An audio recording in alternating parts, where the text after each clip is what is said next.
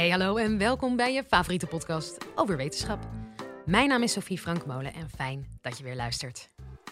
Stress. Was er maar een knop waarmee het kon laten verdwijnen?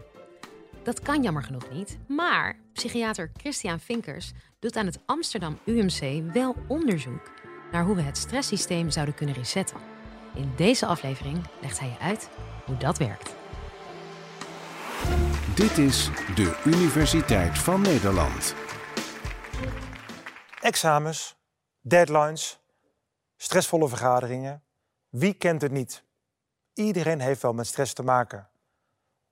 Meestal kunnen mensen er goed tegen, maar te veel of te heftige stress kan iemand echt uit balans brengen. Het opvallende is dat er tussen mensen ongelooflijk veel verschil is tussen hoe goed ze tegen stress kunnen.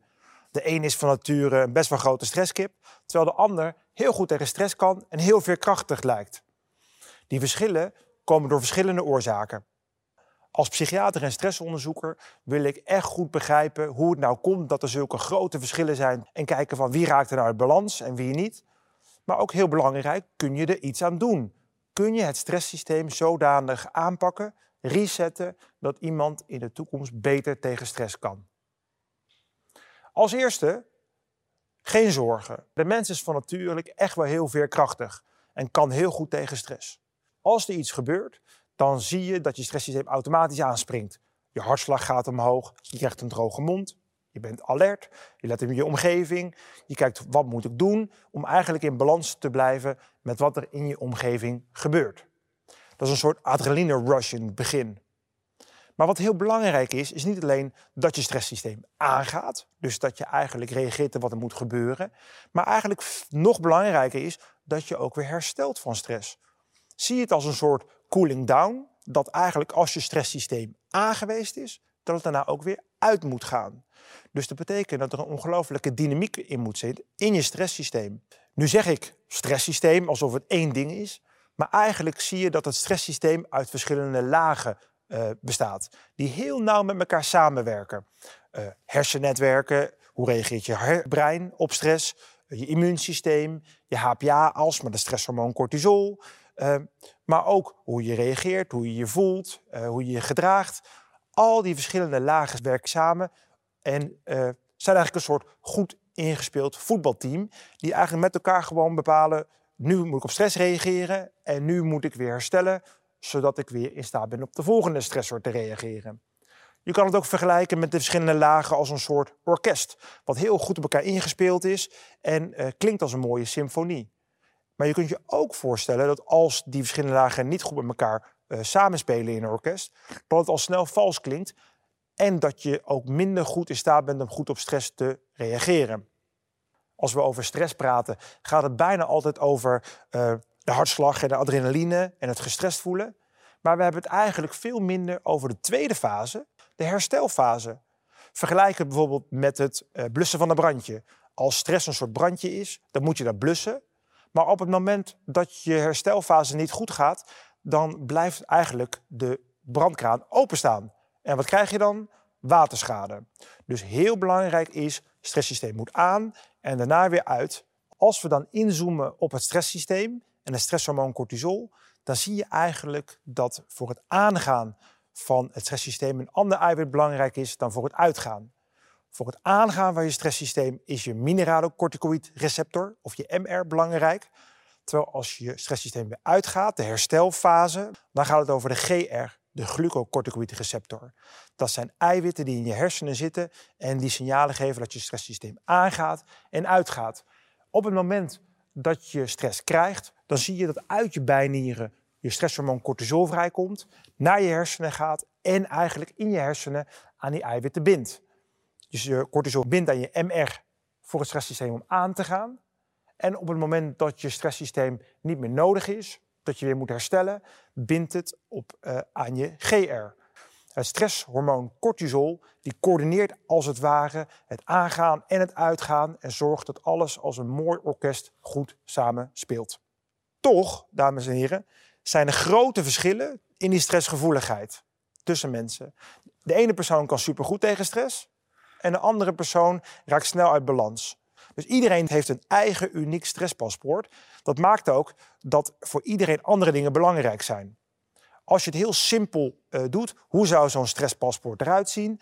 Dan kun je eigenlijk het in drie zuilen onderverdelen. Dat gaat over biologie, dus je genen, hoe stressgevoelig ben je van nature, hoe strak staat je stresssysteem afgesteld, hoe zijn je hersenen uh, van nature aangelegd.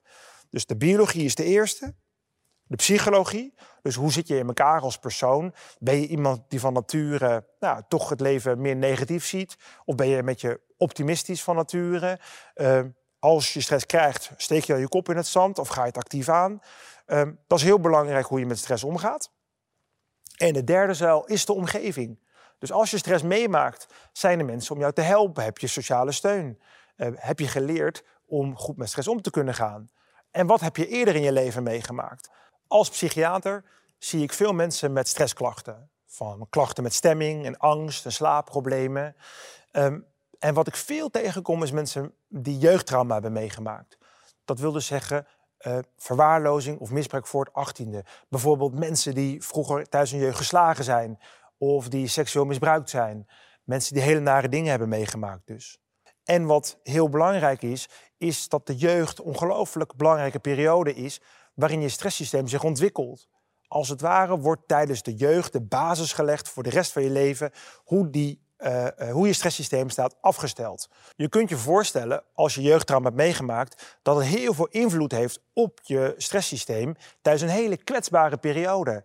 Dat orkest leert eigenlijk samenspelen tussen al die lagen en leert die dynamiek eigenlijk van aan en uit om weer goed te reageren op stress en goed te herstellen van stress. Als je tijdens zo'n kwetsbare periode dat beïnvloedt, door jeugdtrauma, dus door misbruik of verwaarlozing, dan kan het levenslang invloed hebben op die dynamiek van je stresssysteem. Dat verklaart misschien ook waarom iemand met jeugdtrauma, als iemand 40 of 50 is, maar ook als iemand nog 70 of 80 jaar is zelfs, nog steeds heel veel last kan hebben van jeugdtrauma en alsnog gevoelig is voor stress. Je blijft dus langer in een toestand van stress en bent minder goed in staat om eh, die veerkracht te hebben. Veerkracht is eigenlijk aan, de veer gaat uit, maar moet ook weer terug. En als de veer te lang, te veel uitgerekt is, dan lubbert hij een beetje uit en is hij niet goed in staat om weer terug te veren. En dat is eigenlijk wat ik denk wat er misgaat bij jeugdtrauma.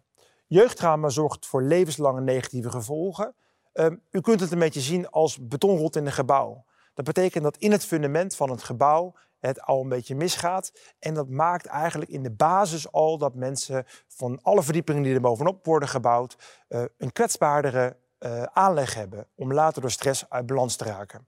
U zult misschien denken, jeugdtrauma, dat komt er vast niet veel voor, dat is tamelijk zeldzaam. Helaas is dat niet zo. Als psychiater zie ik het heel veel. En uit uh, studies blijkt dat ongeveer 1 op de 6 mensen, luister u goed, 1 op de 6 mensen last heeft van jeugdtrauma, dus mee heeft gemaakt. Een enorm groot probleem. Jeugdtrauma is een van de belangrijkste risicofactoren in de hele psychiatrie. Eentje waarvan we weten, die komt altijd komt die naar voren. Uh, belangrijke risicofactor voor uh, depressie, voor angst, posttraumatische stressstoornis. Maar lichaam en geest zijn één, hè?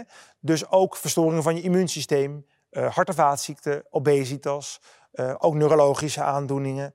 Het is een ongelooflijk groot en ook onderschat probleem. En op dit moment in de psychiatrie is er geen manier om jeugdtrauma aan te pakken. Dus hoe we dat nu doen, is we behandelen de gevolgen van jeugdtrauma. Dus als iemand een depressie heeft, waar jeugdtrauma een belangrijke rol speelt, dan behandelen we dat depressie. En dat is heel goed. Maar het zou natuurlijk veel mooier zijn als we ook naar de kern zouden kunnen gaan en direct dat jeugdtrauma zouden kunnen aanpakken en zo de oorzaak zouden kunnen aanpakken. U zult zich afvragen, resetten van het stresssysteem, kan dat eigenlijk? Resetten van je computer is eigenlijk heel makkelijk met één knop, maar hoe reset je je stresssysteem? Daarvoor gaan we even terug naar eerder. Als je je nog herinnert, dan weet je dat de MR heel belangrijk was voor het aangaan van je stresssysteem en de GR, het eiwit, belangrijk voor het uitgaan. En als je jeugdtrauma problemen ziet van dat uitgaan, is dat gaat niet uit, je stresssysteem blijft aanstaan, dan kan je het resetten doen door die gemankeerde uitknop aan te pakken. Door als je dat eiwit blokkeert, door het lichaam en je geest een signaal te geven dat uh, de systemen zich weer kunnen herstellen. En zo geef je eigenlijk met een medicijn je hersenen een signaal. Het stresssysteem kan zich resetten. En dat doen we niet zomaar. Er is al heel veel werk gedaan, uh, uh, onder andere in dieren. En in muizen en ratten zie je dat als uh, muizen en ratten heel veel stress hebben gehad tijdens hun jeugd, dat je op volwassen leeftijd dat stresssysteem nog kunt resetten door die gemankeerde uitknop, door die GR aan te pakken. En dat willen we nu ook gaan onderzoeken. Dat doen we door op volwassen leeftijd die gemankeerde uitknop, die GR, te blokkeren met een bestaand medicijn. En we hebben het heel optimistisch de reset-studies uh, genoemd. Omdat we zo hopen dat door het blokkeren van die uitknop, die GR, dat we het stresssysteem kunnen laten herstellen. En dat het mogelijk is dat je die dynamiek in je stresssysteem weer terugkrijgt. De vraag was, kunnen wij ons stresssysteem resetten? Het antwoord is, ik denk het wel. Ik denk dat we ook op volwassen leeftijd nog de negatieve gevolgen van jeugdtrauma kunnen tegengaan door je stresssysteem te resetten. En zo eigenlijk de negatieve gevolgen op volwassen leeftijd van jeugdtrauma tegen te gaan. Je wordt er geen supermens door, je wordt niet super veerkrachtig van, maar je pakt wel de kern aan van een heel groot probleem. Je hoorde Christian Winkers. Wat is het toch lekker, hè? Gewoon wijn bijleren over je psyche met een podcast in je oor. Elke week zetten we twee nieuwe afleveringen online. Abonneer je op ons kanaal om niks te missen en om ons blij te maken. Volgende keer heb ik een college voor je over hoe mensen verschillend reageren in een heftige situatie. Tot dan!